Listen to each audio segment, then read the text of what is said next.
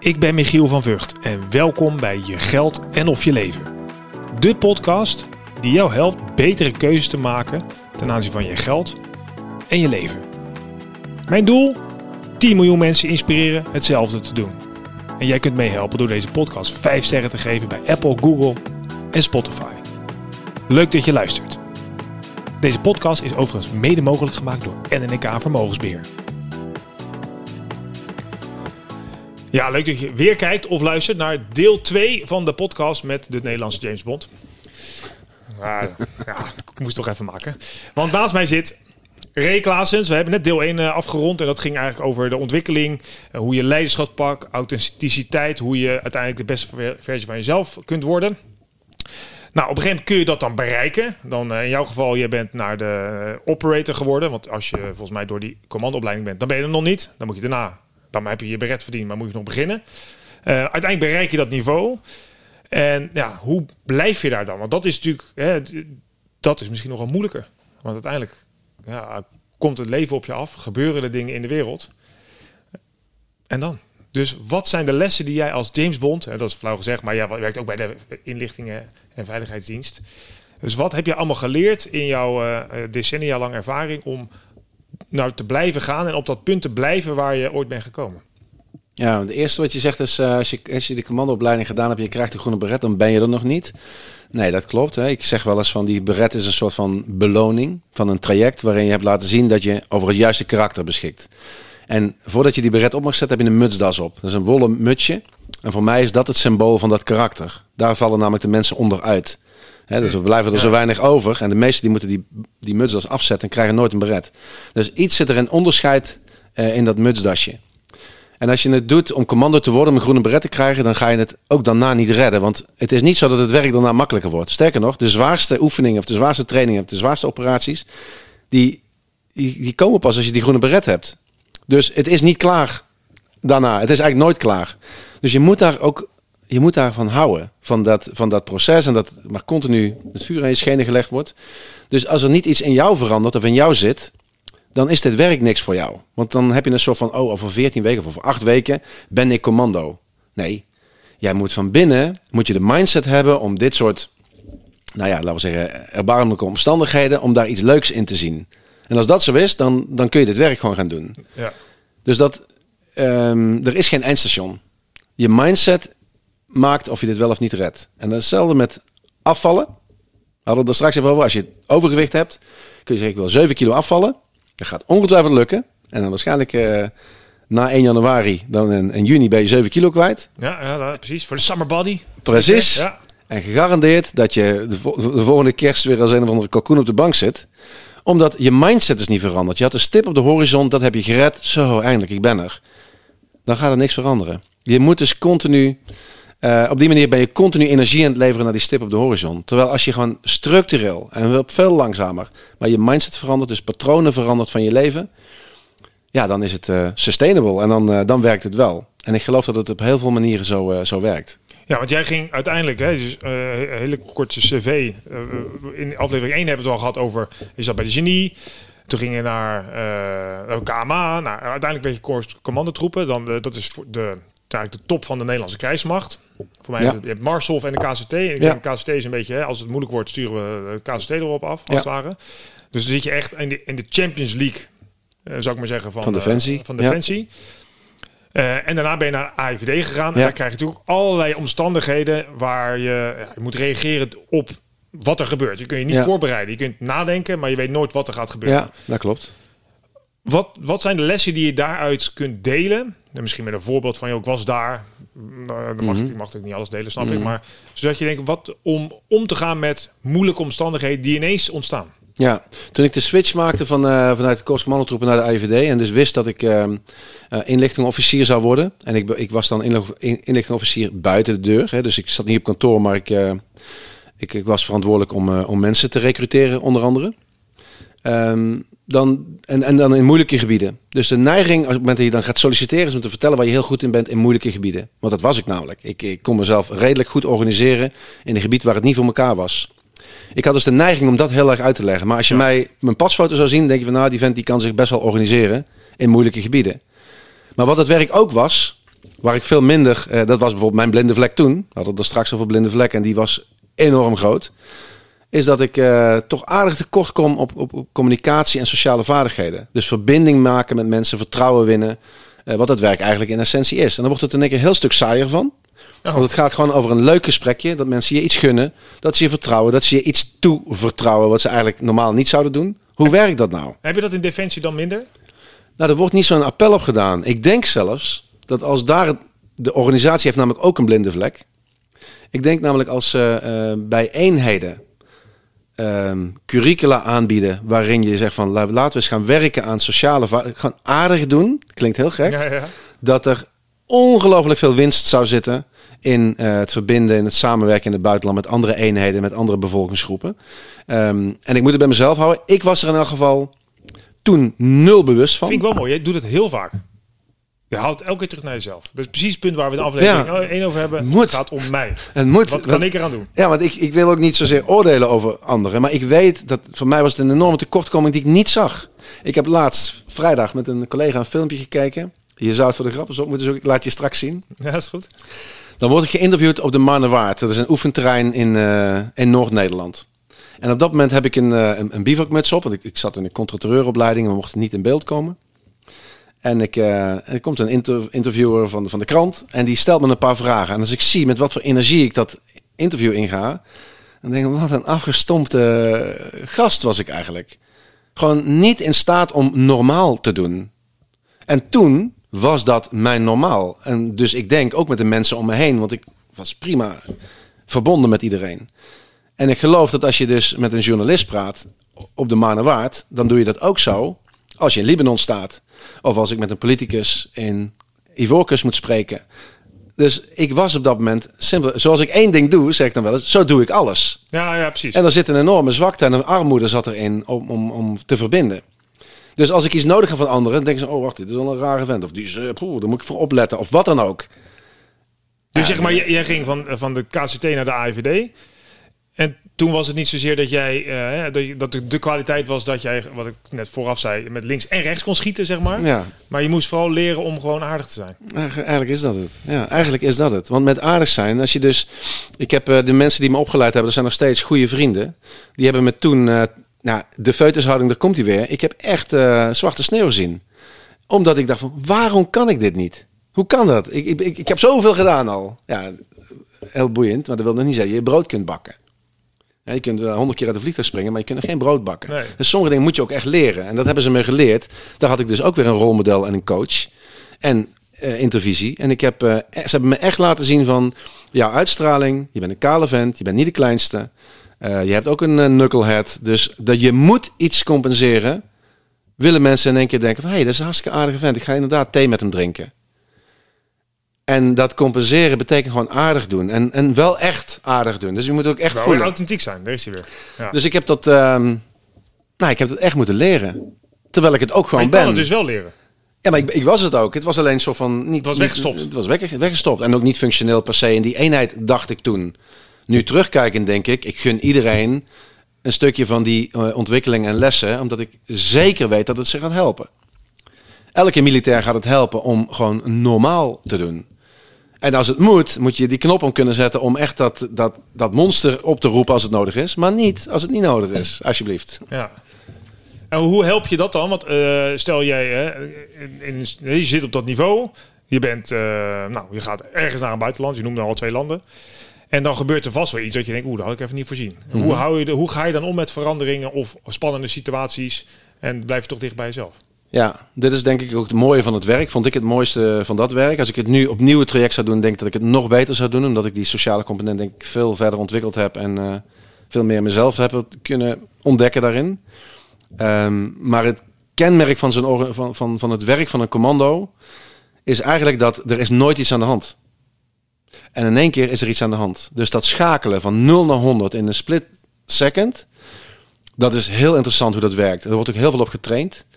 Ehm, dat je continu zeg in een fight modus kunt schieten zonder daarin te zitten op het moment dat het niet nodig is. Dus dat aardig zijn komt daar ook weer terug. Maar op het moment dat je iets moet regelen, ook doen. En dat nu of nooit, je gaat, je, er is geen ruimte voor twijfel. Als je ja zegt, dan ga je er ook 100% voor. Maar is het opgelost, moet je ook meteen weer af kunnen schalen. Dus als mensen blijven hangen in de energie van, van dat hele offensieve, dan is dat super bedreigend en hartstikke gevaarlijk voor een operatie, een missie, maar voor alles om je heen. Dus daar wordt ook veel op getest. Ben je in staat om daarmee te, eh, ja, mee te schakelen? En ehm, ik ben in Uvorcus geweest. Ehm, daar hadden we een, dat was een hele korte operatie eigenlijk. We moesten de Nederlandse ambassade moesten, eh, ehm, nou, er was een burgeroorlog gaande en het ambassadepersoneel moest terug, moest geëvacueerd worden. Dus die moesten we, we moesten contact leggen in een gebied wat eh, compleet niet onder controle was van iets of iemand. En waar mensen, als het mis zou gaan, je echt nou, naar het leven stonden. En we waren met een redelijk klein clubje. We hadden weinig logistiek. En we wisten van dit kan, elke seconde kan dit misgaan. Dus je bent super scherp. Maar het enige wat je hielp was aardig doen. We moesten telefoontjes kopen in een Afrikaans winkeltje. Als we daar binnen zouden stappen met, nou ja, te veel mannelijke energie, dan zouden we gelincht worden. Um, als je contact moet leggen met de Amerikanen of de Spanjaarden daar om uh, je verbindingsmateriaal te regelen of om evacuatieondersteuning te krijgen. Ja, waarom zou die ze helpen? Wat is de win voor de ander? Dus je bent continu een beetje aan het schakelen in het sociale domein. De wetenschap dat het kan ook meteen misgaan. Dus dat, ja, die spanning dat doet wel iets met je. En dat kan ook niet iedereen, denk ik. Ik denk niet dat je daar elke militair naartoe kunt sturen. Die zitten veel te veel in de, ja, in dat, in de testosteronmodus. Terwijl je moet juist verbinden en je hebt iets anders nodig.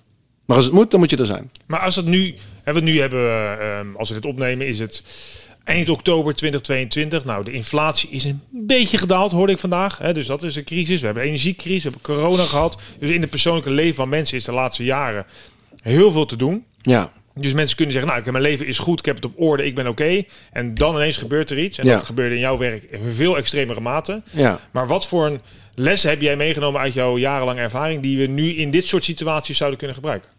Ja, dat in elke crisis of elke rotsituatie dat er altijd kansen zitten. Alleen de mensen die... Wie, wie komt er nou beter uit zo'n, uit zo'n crisis? Of, of het nou corona gaat of wat dan ook. Zijn de mensen die de kansen zien en pakken. Die dus dingen doen in plaats van laten. En mijn beleving, wat er, toch, wat er ook gebeurt, ga dingen doen en ga ze niet laten. Dus altijd niet in die gereserveerdheid zitten, maar in de actiestand. En dat gaat ook mis. Dus je moet, je moet weerbaar zijn en veerkracht hebben om daar weer uit te komen. Maar als ik een voorbeeldje pak. Um, laatst sprak ik voor, uh, um, voor een gezelschap met medisch specialisten. Dat ging over corona. Allemaal ellende. Alles wat daar, hoeveel druk en hoeveel burn-outs en hoeveel ellende was wat de klok sloeg. Maar als je ze vraagt van, wat is je meest indrukwekkende tijd geweest? Waar zijn de, hevigste, de stevigste vriendschappen ontstaan? Iedereen noemt diezelfde coronatijd. Dus er zitten, in die ellende zit altijd iets moois. Je moet het alleen wel zien. Hmm. En daar ontstaat ook, er is ook ruimte voor nieuw leiderschap in die ellende. Want mensen die opstaan en zeggen, jongens, nu zit de klat erin, we moeten. Dus dat is winst. Overal zit winst in. En het feit dat er inflatie is, of je nou onderneemt, of dat je in een gezin draait, ga je je kinderen voeden met de angst van, het zie je wel, het gaat minder. Dat kan, dat is een keuze. Maar je kunt ook kijken welke kansen ontstaan hier, of wat kunnen we wel doen. Dus je kunt alles positief draaien. Hè? Dus niet alles, maar heel veel wel. En ik geloof dat dat uh, ook iets is bij, nou, bij zo'n commandotraining. Er is niets wat mee zit, alles zit tegen. En toch heb ik de mooiste tijd van mijn leven gehad als ik terugkijk. Hoe kan dat? Ik ben verbonden met iedereen, ik ben er gevormd, ik ben er trots geworden. Nou, trots is iets dat krijg je alleen maar als je heel veel shit hebt gehad. Ja. anders ben je niet trots. Nee, nee. Ja, mensen, ook zo'n woord wat onderhevig is aan inflatie. Maar echte trots komt voort uit ellende. Nou, probeer er zo naar te kijken. En pak de dingen. En ga niet uh, diep duiken. Maar goed. is dat dus wat, wat je ook dus in een, in een onzekere uh, situatie hè, als agent, hoe noem je dat? Inlichtingofficier buiten? Ja, acquisiteur of inlichtingofficier. Ja. En daar krijg je natuurlijk ook uh, omstandigheden die nou, gevaarlijk kunnen worden bijvoorbeeld. Of, uh, kunnen, ja. of onzeker, ja. of spannend. Of je bent vaak op, jou, op jezelf aangewezen. Ja, vaak alleen. Meestal. Meestal. dus je moet het zelf doen. Is dat voor iedereen weggelegd? Nee. Of zijn er vaardigheden die je kunt leren, hè, dat je dat niveau niet haalt, maar kan ik zeg maar eerste divisie halen zeg maar, met, met tips die jij hebt als Champions League deelnemer? Ja, dat denk, ik denk wel dat heel veel mensen het wel zouden kunnen. Je moet het ten eerste wel willen. Hè. Het is ook werk, uh, niet iedereen vindt het leuk om te praten met mensen. Want dat is eigenlijk wat het is, praten met mensen. Dus heel spannend is het allemaal niet. Alleen ja, het onderwerpen, of de mensen zelf met, met wie je spreekt, die kunnen het wel spannend maken. En het kan ook misgaan. En dan moet je, en ik vind, vond het altijd leuk, de gedachte dat iets mis kunt gaan, kan gaan. Hoe organiseer je dan alle contingencies. Dus oké, we kunnen uh, onderkend worden. Uh, iemand kan gearresteerd worden. Uh, je kunt van alles bedenken. Allerlei scenario's. En hoe zorg je ervoor dat je die oplost? En dat doe je nooit alleen, dat doe je altijd met een team. Ja, dat maakt het werk heel mooi. En als je dat leuk vindt en wilt, en je bent, ja, je, hebt, je moet ook een beetje, nou, het is niet voor iedereen weggelegd uh, qua vaardigheden, maar ook niet qua intelligentie, denk ik. En, maar als je, als, je, als je daarover beschikt en je wil het, dan zou iedereen met een bepaalde hoe zeg je dat, open mindset naar tips en tricks dit echt moeten kunnen. Maar, maar kijk, precies, want ik, ik kan me voorstellen dat ik was toevallig uh, vorige week in Jordanië. Ben je misschien ook wel eens geweest? Ja.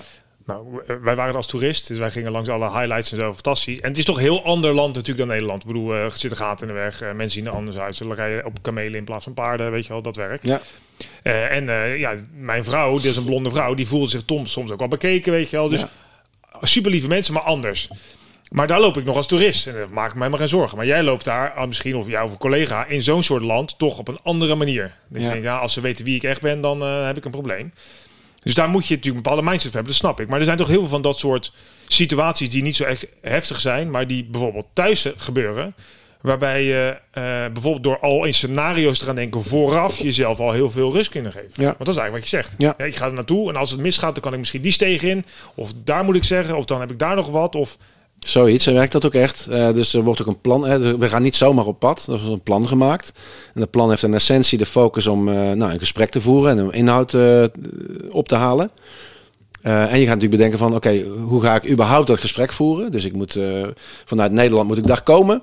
Ehm, ik, ik heb een, nou, ik, ik heb misschien iets te verbergen of niet. Daar moet je ook over nadenken. Kunnen dingen misgaan? Hoe organiseer ik dat? Dus er zit heel veel planning in. En um, en die contingencies moeten georganiseerd worden. Dus veel logistiek, veel verbindingen, communicatie, hoe je dat uh, organiseert op een veilige manier. Dus dat is, dat is één kant van het verhaal. Aan de tweede kant van het verhaal is als je daar bent, heeft het weinig zin om allemaal na te denken over wat er mis kan gaan. Dus de truc is eigenlijk dat op het moment dat je daar zit, dan moet je de focus houden wat je daar komt doen. Vertrouw op je plan. Ja, en dat ook echt. Dus dat noemen ze dan vaak uh, dus de cirkels van focus. Hoe, hoe werkt het verlies van focus eigenlijk? Je wordt door allerlei prikkels word je afgeleid van die focus, dat gesprek bijvoorbeeld, of als je parachute gaat springen. Uh, oh, wat nou als mijn parachute niet open gaat? Ja, die gedachte gaat je nooit helpen. Die, dat misschien gebeurt het wel. Vertrouw dan op het feit dat je goed getraind bent en dat je het goed gepland hebt. En dan weet je wat je moet doen. Maar als de angst de trigger is om de gedachte op te roepen. Wat nou als mijn parachute niet open gaat? Weet je dat je afgeleid bent. En die, dat bewust worden dat het zo werkt, is ook meteen je redding. Want je komt meteen weer terug. Nee, ik, die gedachte heeft geen ruimte okay, even, even deze pak even op. Want ik was ja. dus, uh, wat ik zei net, in Jordanië. Ja. We gingen naar Petra. Ben je was geweest als toerist? Nooit geweest, maar ik ah, weet wat het is. Waanzinnig. Ja. En uh, nou, we hadden gezien, de hele dag, tweede dag hadden we nog een kaartje, gingen nog een keer terug. En dan kan je die de kloof doorzien, dat, dat, die schatkamer is echt prachtig. Dan kan je daarna met een gids naar boven lopen en dan heb je van boven afzicht. Ja. Ik was met mijn ouders, mijn vrouw en mijn twee kinderen. Ja. Ik heb rammende hoogtevrees. Ja. En dat is niet zoals bij ons met een trappetje met, uh, weet je wel, met hekken. Nee, het is gewoon met kiezelstenen glijden naar boven. Met een afgrond. Wat mij betreft van een kilometer, waarschijnlijk was het 50 meter. Ik stond en ik word dan echt mega relaxed. Ja. Mijn vrouw zegt doe, doe relaxed. Ja. Ik sta tegen mijn zoontje van acht. Die staat vijf meter van de rand. Ik sta hem echt bijna uit te schelden dat hij niet bij de rand moet Ik staan. snap je gevoel. Blinde paniek. Ja. Ik ben op een gegeven moment omgedraaid en naar de, naar de muur staan kijken, of de wand, zodat ik maar niet zag of wat zij aan het doen waren. Ik was Ja. echt oprecht in paniek. ja, en dat heb ik heel vaak. Ja. Wat zou ik dan kunnen doen? Geef, probeer eens een situatie. Deze situatie is om te leren. Wat, ik, wat zou ik in een vervolgsituatie anders kunnen doen? Ja. Ja, dat is een goeie. Maar dit is, kijk, eh, wa- wanneer mijn verhaal zo meteen niet gaat werken, is als het een stoornis is. Hè? Dus als je dus echt een ziekte hebt. Nee, dus, dus, nou, dus als je echt hoogte, maar als je gewoon onwennig bent met hoogte, Het is en, vooral, ik ben bang voor dat zij vallen. Snap ik ja. En je hebt Ja. geen controle over Precies, ze. geen controle. Precies. En die controle die ga je ook niet krijgen door te schreeuwen. En je reactie, eh, eh, of door, door een boos te worden, of door. Nee. eh, en het is wel je reactie. En je weet dat het niet gaat helpen. Dus als je bewust wordt van het feit dat het niet gaat helpen, dan kun je dus je gedrag veranderen en zeggen: Ik moet niet gaan schreeuwen, dit gaat niet helpen. Sterker nog, misschien schrikt hij ervan en wordt het probleem alleen maar groter. Struikelt hij alsnog. Struikelt hij alsnog. Dus wat je wil, is dat je bedenkt, rationeel gezien, hier gaat niks gebeuren. We zijn hier niet voor niks. We zijn hier om iets te bekijken. Dan heb ik echt besloten dat ik dit wil doen. Ik weet dat ik hier doorheen moet. Dit zegt iets van mij. En dan heb jij focus op het gedacht, ik ga niet praten tegen hem. Op het moment dat hij dan een uitglijdt, of een, eh, laten we zeggen, een kiezelsteentje wegschopt en jij schrikt van dat, dan heb je de eerste neiging is. En dan zul je moeten, dat is de makkelijkste manier om terug te komen. De eerste externe, hoe zeg je dat, de externe factor van die, eh, van die, van die afleiding. Namelijk het geluid of een steentje wat Mhm. wegschiet. Als je bewust bent van het feit dat het aan jou ligt, dan ga je niet roepen. Dan zeg je, oh, dat was maar zo'n steentje. Als je gedachte komt van, maar wat nou als die uitglijdt? En dan, heb je, dan is het al moeilijker om terug te komen. Het is niet alleen maar het steentje, maar je gedachte is al iets verder. Ja, je visualiseert wat nou als die valt? Hij, hij sterft daar waarschijnlijk gewoon. Heb ik het allemaal wel geregeld? Wat moet ik met mijn vrouw? Kennen mijn ouders staan erbij? Dan ben je helemaal weg. En je zit alleen in het scenario van hij gaat zo meteen vallen. Ja, precies. Dus bij het eerste stukje, dus die externe prikkel die maakt dat je af gaat leiden, moet je bewustwording zijn van, hey, ik ben afgeleid, hier ga ik weer, even terug, rust houden. En dan zit je weer in die focus, ik moet niet praten. En dan lukt het wel. Maar je moet voorkomen dat je in de gedachte komt, wat nou als? En als, als je dan vervolgens gaat gevolg denken, ja, maar hoe moet ik je weg? Heb ik het wel geregeld allemaal? Ja, dat wordt ook niks. Nee, daar kom je dus niet eigenlijk had ik in dit geval beter kunnen zeggen... jongens, we lopen door die kloof, we komen bij de dingen aan... we gaan naar boven lopen, laten we van tevoren even afspraken maken. Want papa is nogal bezorgd. Dus willen jullie sowieso doen? Of voor mijn gemoedstoestand? Ja. Eigenlijk een soort van scenario doordenken. Ja, ja. En dan gewoon focussen op mijn stap naar boven, volgende Ja. stap en eh, that's it. En het is wel goed wat je zegt. Het essentieel is dus om aan de voorkant ook gewoon diezelfde focus terug te brengen. Hè? Want ergens kom je op een gegeven moment boven en dan denk je bij jezelf: wat doe ik hier? Hoe heb ik dit kunnen doen? We hadden ook gewoon beneden kunnen blijven. Ja. Maar ja, dat is niet zo en je hebt er ook niks aan. En je besluit met elkaar om dat wel te doen. Dus loop dan vanuit die buitenste cirkel ook samen. Waarom doen we dit eigenlijk? Omdat het heel bijzonder is. En we willen dit zien en het is het mooiste uitzicht.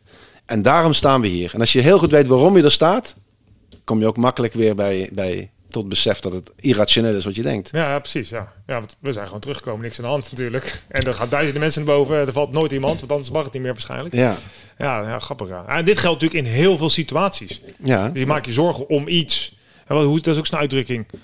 Mensen lijdt het meest onder het lijden dat hij vreest of ja zoiets. precies dat, ja. ja. Dat is ook zo, denk ik, hè? Ja, nee, zeker. Ja. Ja, en dat kennen we denk ik allemaal. Ik, eh, de, als je nou naar de tandarts gaat of een parachutesprong gaat maken... of in Petra op de berg eh, komt te staan. Eh, er is niks aan de hand, maar je hebt wel heel veel geleden. Dat is een beetje zonde. ja. En maar is het dan wel vanuit jou, hè, eh, Ivoorkust of Limanon of waar je, wat je ook waar je allemaal geweest bent, neem je wel zo'n soort scenario door? Van tevoren, nou oké, laten we eens even een soort van, nou niet dat iemand naar beneden flikken en dood is, misschien is dat heel eh, extreem, maar wel van wat zouden we kunnen doen in een eh, omstandigheid die we liever niet hebben, Ja, zodat je daar al een soort van rust ervaart van als het dan gebeurt, dan weet ik dat ik dit, dit en dit ga doen. zeker ja. Er zijn situaties eh, waar je gewoon eh, 48 uur met elkaar opgesloten zit... in isolatieruimte noemen we dat dan. En dus een opdracht die je moet halen, dus dat focuspunt... maar volledig plant van, nou, wat is het plan? Maar ook van, wat kan er misgaan en hoe gaan we erop handelen? En ook om daar weer vervolgens op te trainen. Ehm, dus het gebeurt eigenlijk bijna niet dat het niet gebeurt. Dus er zit ook heel veel eh, collectieve kennis in die, eh, in die 48 uur die dan doorloopt. Er is zoveel gesproken over het terrein waar je in komt. Dat als iets anders is dan je, dan je verwacht had, dat iedereen ook meteen een soort nieuwe baseline heeft. Ja, ja precies. Dus het, het schakelen wordt makkelijk, leidinggeven wordt makkelijker. Eh, er zit heel veel vertrouwen in. Je herkent dingen sneller met elkaar. Eh, maar het is ook essentieel om dit te doen. Je kunt het, eh, en, en nog steeds kom je in situaties dat je gewoon echt on the spot moet, eh, moet reageren. Ehm, en daar zit ook veel vertrouwen in. Want je weet de mensen die er komen, die kiezen nooit voor de mensen, weg van de minste weerstand. Maar gaan altijd voor het, het beste voor het geheel. En die wetenschap maakt, nou, geeft veel vertrouwen. Maar, en maar gebruiken dit dan ook in je trainingen naar, wat jullie doen met de triang- Triangular Group? Ja. En nou, je kwam je aanlopen met een groep die nu een leiderschapstraining krijgt. Ja. Eh, zijn dit ook dingen die, ja, die moet je eigenlijk ook toepassen in je dagelijks, niet alleen maar in defensieachtige omgeving, maar ook in het dagelijks leven, toch? Ja, ja ik vind de metafoor eh, mooi om die te vertalen naar, naar de kan naar privé situatie, maar ook met name naar bedrijfsleven. Van wat is, wat, welke lessen kunnen we hier nou uit leren? En eh, ik heb, het gaat voor mij altijd om een aantal onderwerpen. Eentje ervan is samenwerken. Hè, het gaat vaak mis waar mensen samenwerken. En dat komt omdat samenwerken is, werkt goed als je iets van jezelf bereid bent om weg te geven. Dat doet pijn. Hè? Ik heb een belang, maar ik, ik open dat belang zodat de ander toe kan naderen. En als hij dat ook doet, dan kunnen we samen groeien. Dus je moet eerst energie leveren voordat je samen meer energie kunt produceren. Dat is volgens mij samenwerken. Maar dat gaat vaak mis, omdat mensen vaak vanuit, hè, we hebben het wel over win-win, maar met name over, over je eigen Ja, ja, win. en dan kijken of we, of we eruit komen samen. Kansloos. Ook in een deal maken. Verplaats je in de win van de ander. En dan weet je wat je eigen speelruimte is. Heb je veel sneller een deal. Nou, dat is, dat is dus een dingetje. En leiderschap is een ander thema. Het gaat vaak mis met, eh, met, met leiderschap. En dat, eh, in mijn beleving komt dat neer op dat, nou, het, het, goede voorbeeld geven. Eh, weten dat het nooit om de leider gaat, maar de leider moet dienend zijn aan een geheel. Ja, dat is makkelijker gezegd, want leiders zijn ook bezig met de volgende stap in hun carrière. En als dat ergens in dat authentieke gedrag doorcijpelt, wordt het niet geloofd of niet vertrouwd. Kansloos. Dus dat zijn dingetjes die we vaak als spiegel meegeven. En dan meer in een algemene zin eh, mindset. Of veerkracht in jezelf of in een systeem krijgen. Hoe werkt dat nou eigenlijk? Dus dat... ehm, Hoe werkt Ja. dat dan? ja, nou, Ja. nou ja, dit is eh, twee termen, veerkracht en weerbaarheid. Ehm, ik, zeg, ik zeg wel eens, er is een vrachtwagen, als je een vrachtwagenband en een ballon pakt. Een vrachtwagenband, het materiaal van die vrachtwagenband, ehm, dat, die is heel weerbaar voor het werk wat hij moet doen, want anders gaat hij kapot. Een ballon is dat niet. Als jij eh, een weerbaar team wil maken, dan zul je dus moeten zorgen dat je een vrachtwagenband wordt. Dus je moet vormen. Je zult dus even pijn moeten pakken om dat te kunnen doen. Daarna krijg je, als je dan gaat rijden met die, eh, met die vrachtwagenband, dan deukt die in en die deukt weer uit. Dat is namelijk wat veerkracht is. Totdat die stuk gaat. Dan loopt hij leeg, kan hij zijn werk niet meer doen. En als het goed is, zit een vrachtwagen onder een vrachtwagen met 16 wielen. Pakken de andere 15 wielen het op. Dus als één iemand een probleempje heeft, moet het systeem dat probleempje oplossen. Maar je moet het wel zien en merken. En dat is wat, ehm, wat niet altijd gebeurt. Hoe bestaat het dat mensen met een burn-out wegvallen terwijl leidinggevenden zien dat iemand aan het. Hoe kan dat? Ja, daar is gewoon weinig oog voor. Dus het, en als, als het, en is ook een zweertje. Als, het één, als één iemand het heeft, dan leeft het bij meerdere mensen. Dus ja, goed. Het, het gaat misschien wat ver om daar helemaal op in te gaan. Maar het is. ehm, Nou, dat, en dus is- dat is in een, als je in een klein team van eh, operators ergens in een eh, gebied zit, dan kan dit niet. Dus je moet daarvoor zorgen dat je met elkaar eh, dat die band niet lek gaat, of, of dat de rest sterk genoeg is om dat op te vangen. Ja, dat. En dat je dus ook, ehm, laten we zeggen, niet, niet het stoerdoenerij. Je mag gewoon last hebben van dingen en maar bespreek het. Als, ik, als we met elkaar in een vliegtuig staan op, op, op 15.000 voet, dan weet ik dat iedereen dit heel spannend vindt. Dat weet ik omdat ik daar ooit gestaan heb. Maar wat niet helpt, is als je iemand naast je ziet en continu aan het riempje zit fr- frummelen, dat je denkt van, hey, is er iets mis met je parachute? Nee, ik ben hartstikke zenuwachtig, daarom sta ik waarschijnlijk zo. De conclusie die ik trek voordat ik de vraag trek, hey, wacht, zijn chute is niet goed. Misschien moet je even naar kijken of hij springt niet mee. Noem maar iets heel Mhm. geks. Dus ja, de vraag stellen die eigenlijk een beetje impertinent is bij stoere jongens. Heb je spanning? Ja, ik heb hartstikke veel last van spanning. Oké, prima. Niks aan de hand. En dan gaan we zo'n focusoefeningetje doen. Maar dat maakt wel dat je... En dan moet je, moet je ook durven. Je moet vertrouwen hebben dat daar niet om ge, wordt of wat dan ook. Maar dat Ja, je gewoon precies. mag. Ja, een veilige omgeving moet je natuurlijk wel Precies. elkaar, ja. En dat is niet... eh, ja... Het is misschien niet vanzelfsprekend. Om ook maar te vertellen wat er in je omgaat. Terwijl ik denk dat het essentieel is om, eh, om het te doen. Maar ja, is het veilig genoeg inderdaad? Hey, ten slotte. Als je nou ehm, terugkijkt op alle decennia van ervaring. Nou wil ik niet zeggen dat je oud bent. 50. Maar precies. Dus dat heb je toch al decennia meegelopen. Is er één ding dat je denkt, nou had ik dat nou maar geweten toen ik 15 was? 16. Mag ook. Nou ja, dat, dat vind ik wel een moeilijke. Ja. Ja, even denken. Als ik iets had kunnen weten. Nou goed, wat ik, wat ik misschien wel eerder had willen begrijpen is... eh, ja, nou, wat ik, wat ik straks zei, wat ik dus denk ik bij de, bij de dienst, bij de IVD geleerd heb... en nu eh, nog steeds eh, heel veel mee bezig ben, is, is dat... Ja, je bent alleen, stel je niks voor. Dus je moet het met elkaar doen.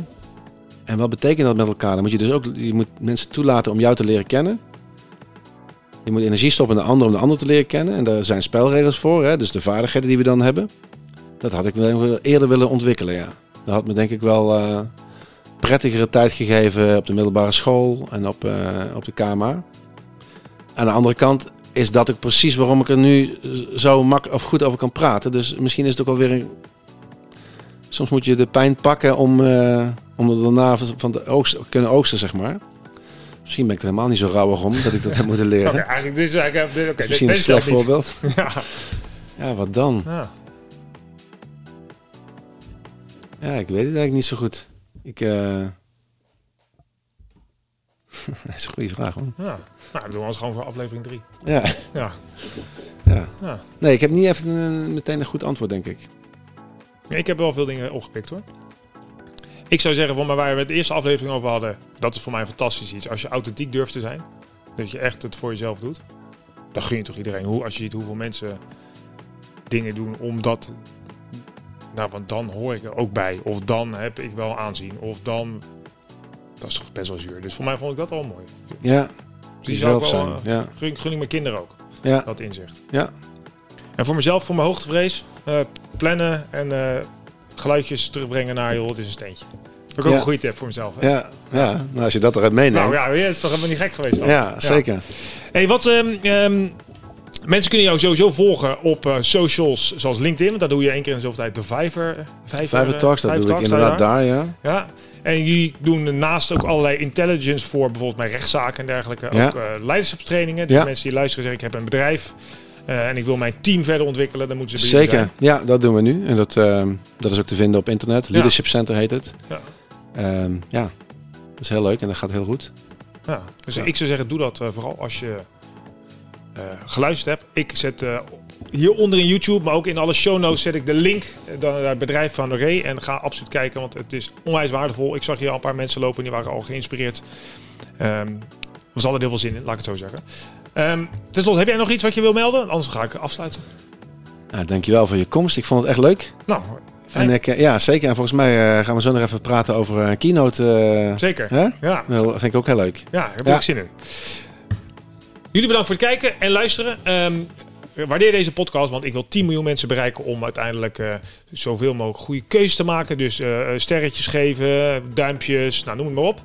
Eh, lees vooral meer over het bedrijf van want Dat gaat je als organisatie, mocht je een bedrijf hebben, absoluut ook helpen. En onwijs leuk dat je er was. Tot snel. Doei doei.